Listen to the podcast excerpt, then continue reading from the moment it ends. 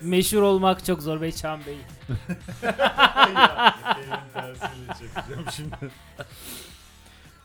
Hanımlar beyler, Veri Atölyesi'nin yeni bölümüne hoş geldiniz. İkinci sezon.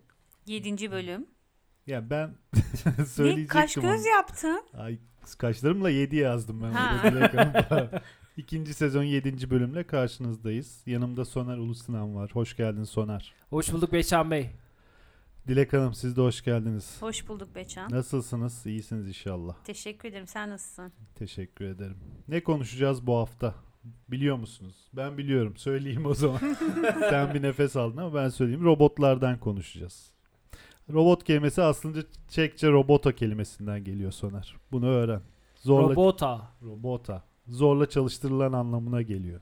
Kelime ilk defa 1920 yılında Çek yazar Karel Kapek'in oyununda kullanılıyor. Ya.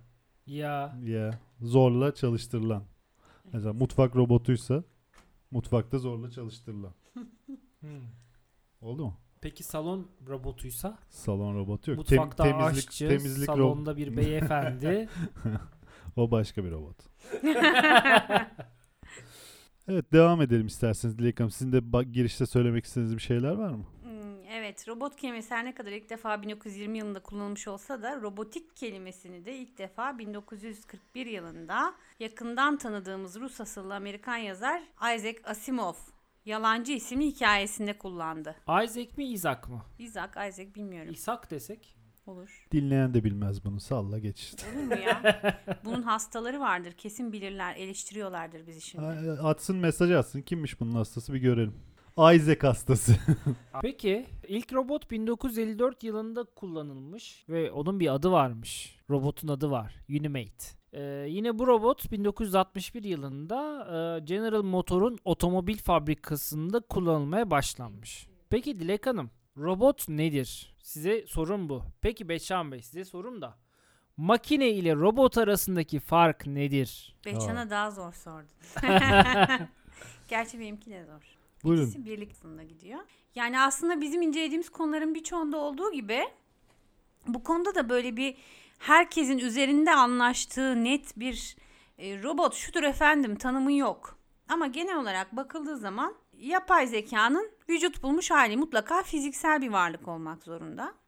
Aynı zamanda dış dünyayı ya da içinde bulunduğu ortamı da fiziksel olarak etkileyen ya da buna etkilenen aksiyonlarda bulunabilen bir cisim. Peki Olmak mutfak durumunda. robotu? O zaman mutfak robotu boşa düştü Dilek Hanım. O bir robot Bildiğiniz değil. robotu. Yani şöyle bir şey. iki drone'u ele alalım. Birini kumandayla sen yönetiyorsun. Sen kaldırıyorsun, Elimde sen kumanda indiriyorsun. var. Bir Aynen tane öyle. onunla yönetiyorum. Evet. Bu bir robot sayılmıyor.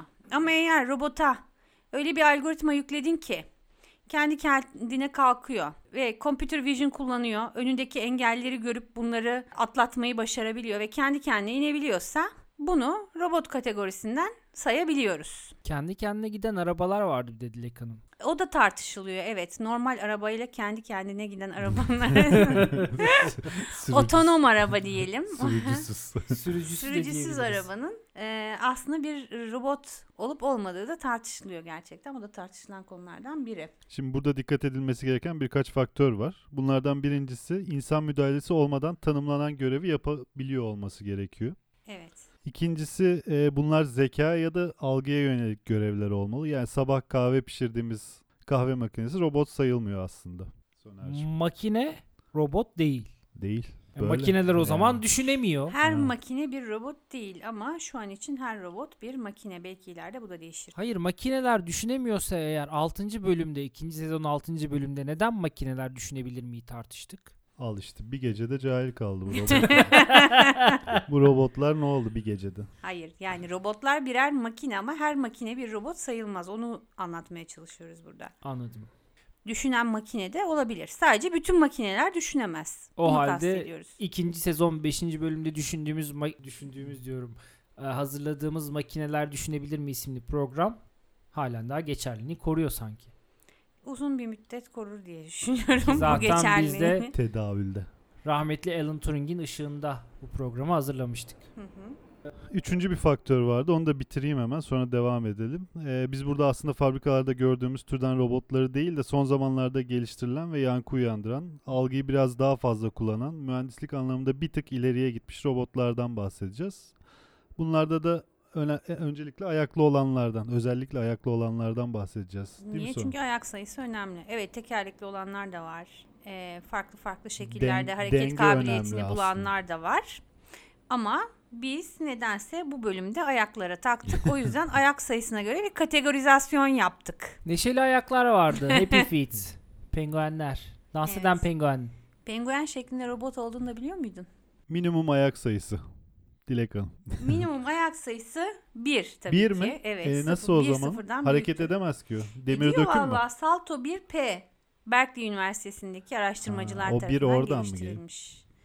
Aslında evet bunun bir e, ön, öncüsü var Salto ama Salto o kadar iyi değilmiş ama yeni geliştirilmiş olan Salto 1P ondan daha iyi. Atlayarak harekete adapte e, edilen saltatorial hayvanlardan esinlenerek yapılmış. Sal- Saltatorial Saltatorial ne demek ya? Saltatorial ne demek? Evet, ben de bunu bence. araştırırken evet öğrendim. Mesela tavşan, kanguru gibi zıplayan hayvanlara saltatorial diyorlarmış. Ee, Üçlü salto falan. da- bu Üç- hayvanın değil bu robotun. Sen başla. Üçlü salto falan var. Hani böyle denize atlarken, havuza atlarken salto yapıyorlar ya yarışmalarda. Aslında evet ben bunu hiç düşünmemiştim. Üçlü salto e, çok mühim bir Aslında şey o zaman yarışmalarda, olimpiyatlarda. Zıplama hareketi Kav- mi? kavisler alan aslında zıplama ya. Bayağı üç, üç kere zıplamış işte. Üç kere Evet, kendi zıplayan etrafına dönmüş hayvanlar salto kategorisi. o zaman eee, evet eee Salto'da Saltatorial Locomotion on Terrain Obstacles tümcesinin Ha, kısaltılmışı. Hı. Aynen böyle. Ama Salto bir görseniz bir sevimli, bir sevimli. Salto Tatlı iş. Birazcık daha tasvir edin. Tek bacaklı bir robot nasıl sevimli olabilir? Soğuk bir kere. Salto'yu hiç görmeyen birini anlatabilir misiniz Dilek Hanım? Bir zıp tarif- zıp zıplıyor çekirge Tamam, gibi. dış Çok baş- enteresan. nasıl? Zıplıyor. Robota mı benziyor? Küçük böyle ufak bir şey. Robota benziyor ama böyle hop hop hop öyle zıplıyor ki asabın bozuluyor. Gülmekten kendini alamıyorsun yani öyle diyeyim. Başka hiçbir hayvanın eşleştiremeyeceği düşey bir atlama çevikliğine sahip olan Galago'dan aslında Ya esinlenmiş. Dilek Hanım bizi Sal- bitirdiniz. Saltolar, galagolar. Galagolar Kafada havada hiçbir şey yok. Galago'yu da anlatayım mı? Bu şeyde falan vardı ya aslında. Madagaskar. Madagaskar filmindeki canlılardan bir tanesine benziyor. Sevimli mi sevimli. Orada bin tane canlı vardı. Yani ben Madagaskar penguenlerinde en çok penguenleri severdim. Bir şey diyeceğim. Bence dinleyen yazsın bir galago neymiş. Tatlış hayvanlar ya. Minik minik fıtık fıtık hayvanlar. Aa, lan sevimsiz bu ya. bu zıplıyor muymuş? Zıplıyormuş meğer. Niye sevimsiz ya? Çok Şuna bakar sevimsiz ya mısın? bu gözlere bak. Hiç beyazı yok zaten. Suratına benziyor. Salto 1P tek ayağı ve kuyruk yapısının sağladığı aerodinamikle sadece dengede durabilmekle kalmıyor. Aynı zamanda 3 ayrı yönde hareket edebiliyor ve hareket yönünü havadayken bile değiştirebiliyor. Enteresandır ki aslında çok enteresan bir durum var burada. ne? Bu robotun kullandığı algoritma 1984 yılında Mark Reibert'in tek ayaklı zıplayıcı robotunda kullandığı algoritmayla aynı algoritma. Ama tabii Reibert'in robotu Salto 1P'den tam 170 kat daha ağırdı ve onun kadar yükseğe zıplama becerisine de sahip değildi. Salto 1P dışarıdan bir bilgisayara bağlı olarak çalışıyor ve hareketlerini düzenlemek için hareket yakalama yani motion capture algoritması kullanıyor. He- verdiğimiz hedefe de gidebiliyor yani. Aynen öyle. Bu algoritmayla bir nevi görebiliyor çünkü. Dolayısıyla hedefe yönelik zıplayabiliyor. Salto 1P engebeli yüzeylerde doğa koşullarına ve duvar vesaire gibi engellerin olduğu ortamlarda denge ve hareket yetkinliğine sahip olduğu için çalışmalar tamamlandığında birçok alanda kullanılabilecek. Ama mevcut durumda tabii ki hafiflik için pil ömründen vazgeçilmiş ve dolayısıyla harekete başlayışıyla bitişi arasında maksimum 3-5 dakika bir süre var. 3 dakikada 5 dakikada şarjı bitiveriyor. Aa, at çöpe. Kalem pil mi takmışlar robota? e- ne yapmışlar anlamadım Apple ki. yapmış robotu.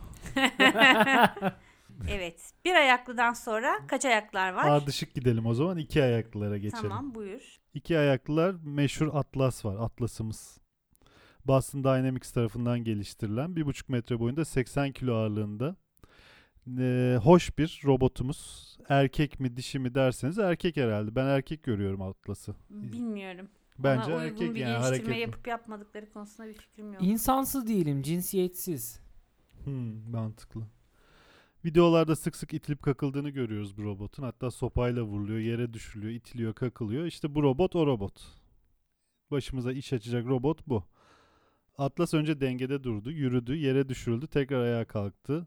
Koliler taşıdı, sonra taklalar atmaya, amuda kalkmaya başladı. Biz söylerken yorulduk ama Atlas yorulmadı. Atlas şimdi burada. Evet Atlas. Ya evet onu düşünüyorum. Biz hep diyorduk Boston Dynamics robotları, Boston Dynamics robotları aslında bunların hepsinin böyle birer adı var, kimliği var. Bunları lütfen kırılıyorlar, üzülüyorlar sonra yapmayın. Bizi çok dinliyorlar bu arada. Evet. Robotlar değil mi? Atlas özellikle bizim en büyük dinleyicimiz. Sigara yakıp bizi dinliyor. Evet, insansı robotlar ağırlıklı olarak elektrik değil hidrolik güç üniteleriyle çalışıyor. Bu bilgiyi de vermiş olalım. Bu neden Niye aslında böyle Dilek Hanım? Ya şöyle bir sebebi varmış onun. Çünkü yatay düzlemde olmadığı için dikey durması gerektiği için alan daralıyor ve yatay düzlemde olanlarda elektrik üniteleri daha verimli çalışıyor. Dikey düzlemde e, hidrolik daha verimli çalışıyor gibi bir açıklaması vardı onun. O yüzden dört ayaklarda gene elektronik kullanılırken iki ayaklı humanoidlerde genellikle hidrolik Humanoid. humanoid humanoid insansı robotlarda daha çok hidrolik güç ünitelerine rastlıyoruz. Atlas korna mı çaldı? Soner, Atlas Buyursunlar. ortaya nasıl çıkmış biliyor musun? Bir fikrin var mı? DARPA diye bir kısaltması olan Defense Advanced Research Projects Agency. DARPA Robotics Aa, bunun Challenge kısaltması DARPA olmalı. yarışmasına katılmak üzere geliştirildi. Aslında bu savunma geliştirme projesi kapsamında oluşturuldu. Ee, aslında bu yarışmanın amacı da felaket durumlarında insanoğluna yardımcı olmak için bir insansı robot geliştirmekti. Yani çağrı bu şekilde yapılmıştı. Ve tüm dünyadan katılımlar oldu. Yarışmanın finaline kalan 15 robotun 7'si Atlas'tı. Takımlar da Atlas'a kendi yazılım ve ek- eklentilerini, eklemelerini kullanıyordu. Ve bu yarışmaya birinci gelen ise Güney Kore'den bir firmaydı. NASA'nın takımı ise 5. oldu. 2012'de düzenliyorlar bu yarışmayı Dilek Hanım. Ama 2015 yılında kazanan belli oluyor. E öyle boru mu? Ne kadar zamanda yapacaklar öyle pat diye bugün ilan edilip yarın robot çıkar mı? 3 yıl çalışmışlar. 3 yıl bence gayet makul, bir süre. Ya aslında neden bu yarışmayı anlattık? Bu yarışma dünyada robotik konusunun gelişiminde etkili olan bir husus. Dünyada çünkü şu an insansız hareket kabiliyetlerine haiz birçok robotun geliştirilmesini, işte yarışmaya katılmıyor olsalar bile birçok saygıdeğer kuruluş ve öğretim kurumunun bu konuya eğilmesini sağlıyor. Mesela işte e, Stanford Üniversitesi'nin Ocean One diye bir robotu var. En iyi insansı robotlardan birisi. Bir su altı robotu Ocean One. Yani bayağı bildiğin suyun altında gidiyor. Ve onu takip eden, onu yöneten pilotlara e, okyanusun derinliklerini yüksek doğrulukta keşfetme olanağı sağlıyor. Sizin yerinize birisinin denize daldığını, işte baktığı yerleri, analiz ettiği yerleri sürekli size gönderdiğini düşünün. Ne işte vurgun yeme riski var, ne köpek balıkları tarafından ölme riskiniz var. Sadece bir robotun e, karşılaşacağı riskler var. Bir de bu çok avantajlı görünürken bir, bir tane daha örnek var. Bir diğer örnek de Japonya'da geliştirilen ve e, bazı kişilerce en iyi insansı robot olduğu iddia edilen Kengoro diye bir robot. Kengoro işte spor yaparken terleyebiliyor. Evet gerçekten de böyle devrelerin ısınmasını sağlamışlar. O araya da su geçirgen borular koymuşlar. Ve gerçekten spor yapıyor, ısınıyor ve terliyor robot.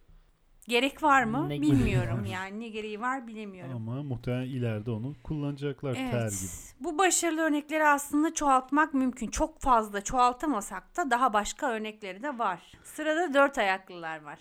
Evet, Boston Dynamics'in 2018'de kapalı kapıları bile tutup açtığı videosuyla hem hayranlık hem de birazcık da korku uyandıran, dehşet uyandıran robotu Spot son günlerde popülerlikteki yerini MIT'nin mini çitalarına bıraktı. Çünkü neden? Bu mini çitaların birçok videosu sosyal medyada yayınlanmaya başlandı. Bunlar böyle senkronize hareket ediyorlar, hopluyorlar, zıplıyorlar. Bazı insanlar bunları sevimli bile bulabiliyor. Hatta geçen gün beraber bir futbol maçı yapmışlar mini çitalar. Ee, bunu da gene sosyal medyaya yansıttılar. Robotun sevimlisi olur mu ya Dilek? Sevimli bulan insanlar var. Benim- Görüyorum yorumlarda. Benim bir tek hatırladığım 96'da mı 99'da mı ne ortaya çıkan Asimo'ydu. Honda'nın robotu.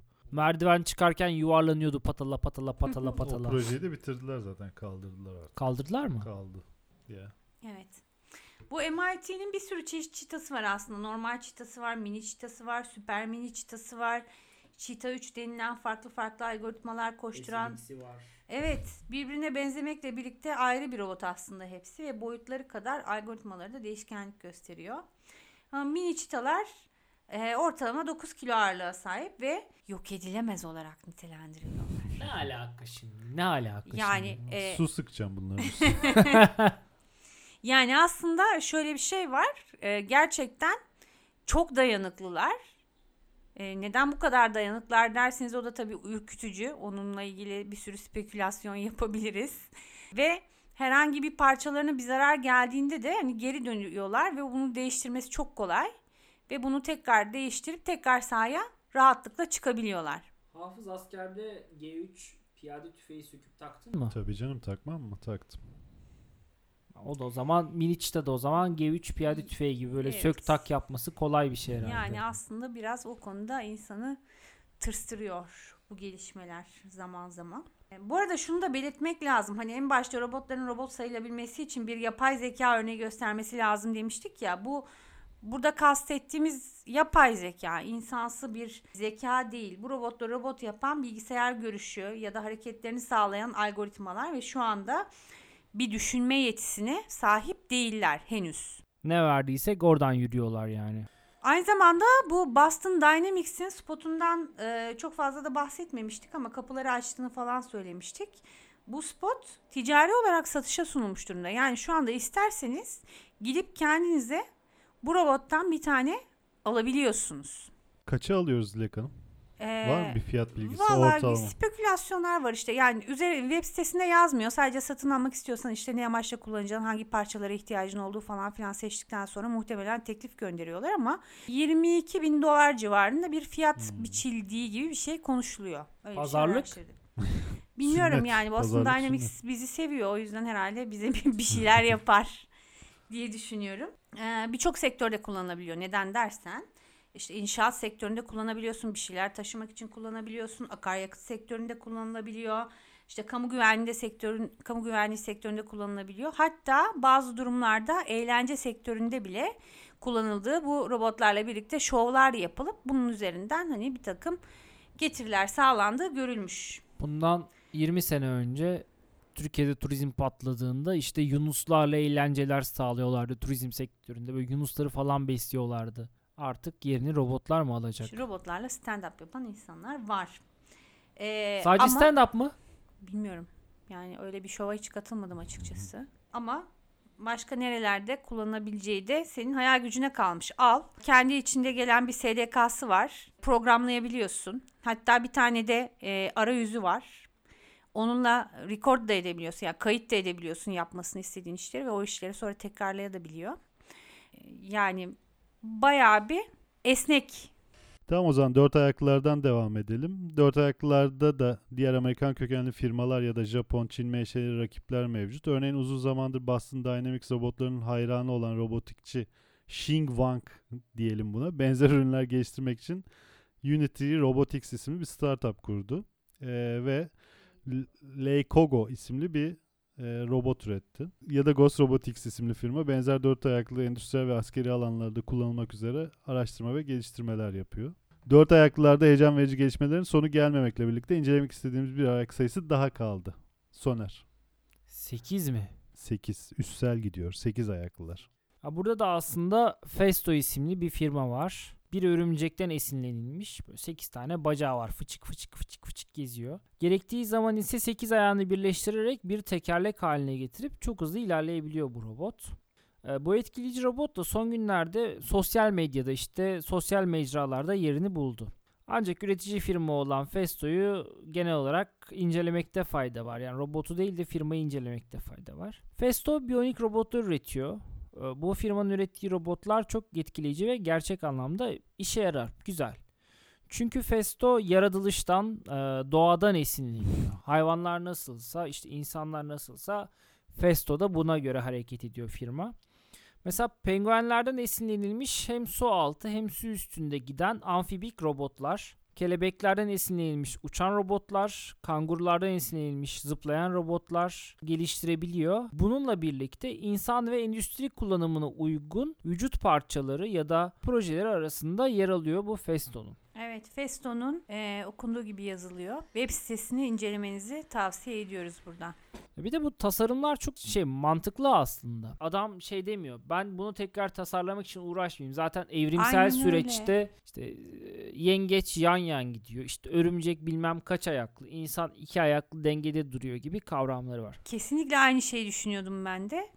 Seneler yani doğayla savaşmaya gerek yok. Doğaya eklemek aslında. Zaten senelerdir, yüzyıllardır, bin yıllardır, milyon yıllardır evrimleşmiş bu hayvanlar. Ama benim dikkatimi çeken bir konu oldu burada. Ee, üretilen robotların çok çok büyük bir kısmı ki Cemsay 50 soruda yapay zeka kitabında da bahsetmişti. Ee, savunma sanayiinde kullanılmış oluyor olması ya da bu amaçla üretiliyor olması ya da onlar tarafından destekleniyor olmasıydı. Aynen öyle. Yani tabii kimsenin gerçek amacını bilemeyiz. Ee, ama böyle bir risk var yani bence kesinlikle var. Yani sonuçta bugün gitsem ben desem ki ee, ey Boston Dynamics evet ben bu spottan alacağım 100 bin tane alacağım kendime ordu kuracağım. Yani 100 bin tane vermezler herhalde de muhtemelen. ee, kendileri en azından CIA bir peşinize düşersiniz. muhtemelen. Ama kendi üreticileri ya da üretilmesini destekleyen sponsorları bunu belki yapabilir. Yani zaten dediğim gibi özellikle MIT'nin robotları e, tahrip edilemez denilen özellikle. Tabii ki tahrip oluyorlar ama çok zor koşullar altında. Yani insandan çok kat kat daha zor koşullar altında tahrip oluyorlar. E, Spot'un da aslında web, e, web sitesini incelerseniz e, dayanıklı olduğu koşulları yazıyor. Gerçekten inanılmaz yani insandan kat kat üstün fiziksel koşullarda. Dolayısıyla bunlar askeri anlamda kullanılmaya kalka, kalkılırsa risk oluşturulabilir. Ama burada tabii ki robotların suçu yok. Bunları bu şekilde kullanan insanların daha duyarlı olması gerekiyor diye Ki düşünüyorum. 20. yüzyılda işte bu o, 1950'lerden 60'lardan sonraki soğuk savaş döneminde işte NASA'nın işte Rusya'nın uzaya gitme, aya gitme çabalarında da aslında asıl amaç aya ulaşmak değil. Soğuk savaşta e, mevcut teknolojileri geliştirmek için yapılmış yatırımlar olarak e, algılanıyor yakın zamanda geriye dönüp bakıldığında. Bayağı bildiğiniz aslında teknolojiyi geliştirerek nasıl e, üstün olabiliriz? Bunun için ne ne tür bir çaba sarf edebiliriz? Bunun uğraşı var. Ay'a da tekrar gitmek konuşuluyor bunu biliyor muydunuz? Gerek yok. Nereye? Bir kere gitmişler diyorsun Ay'a. Hı.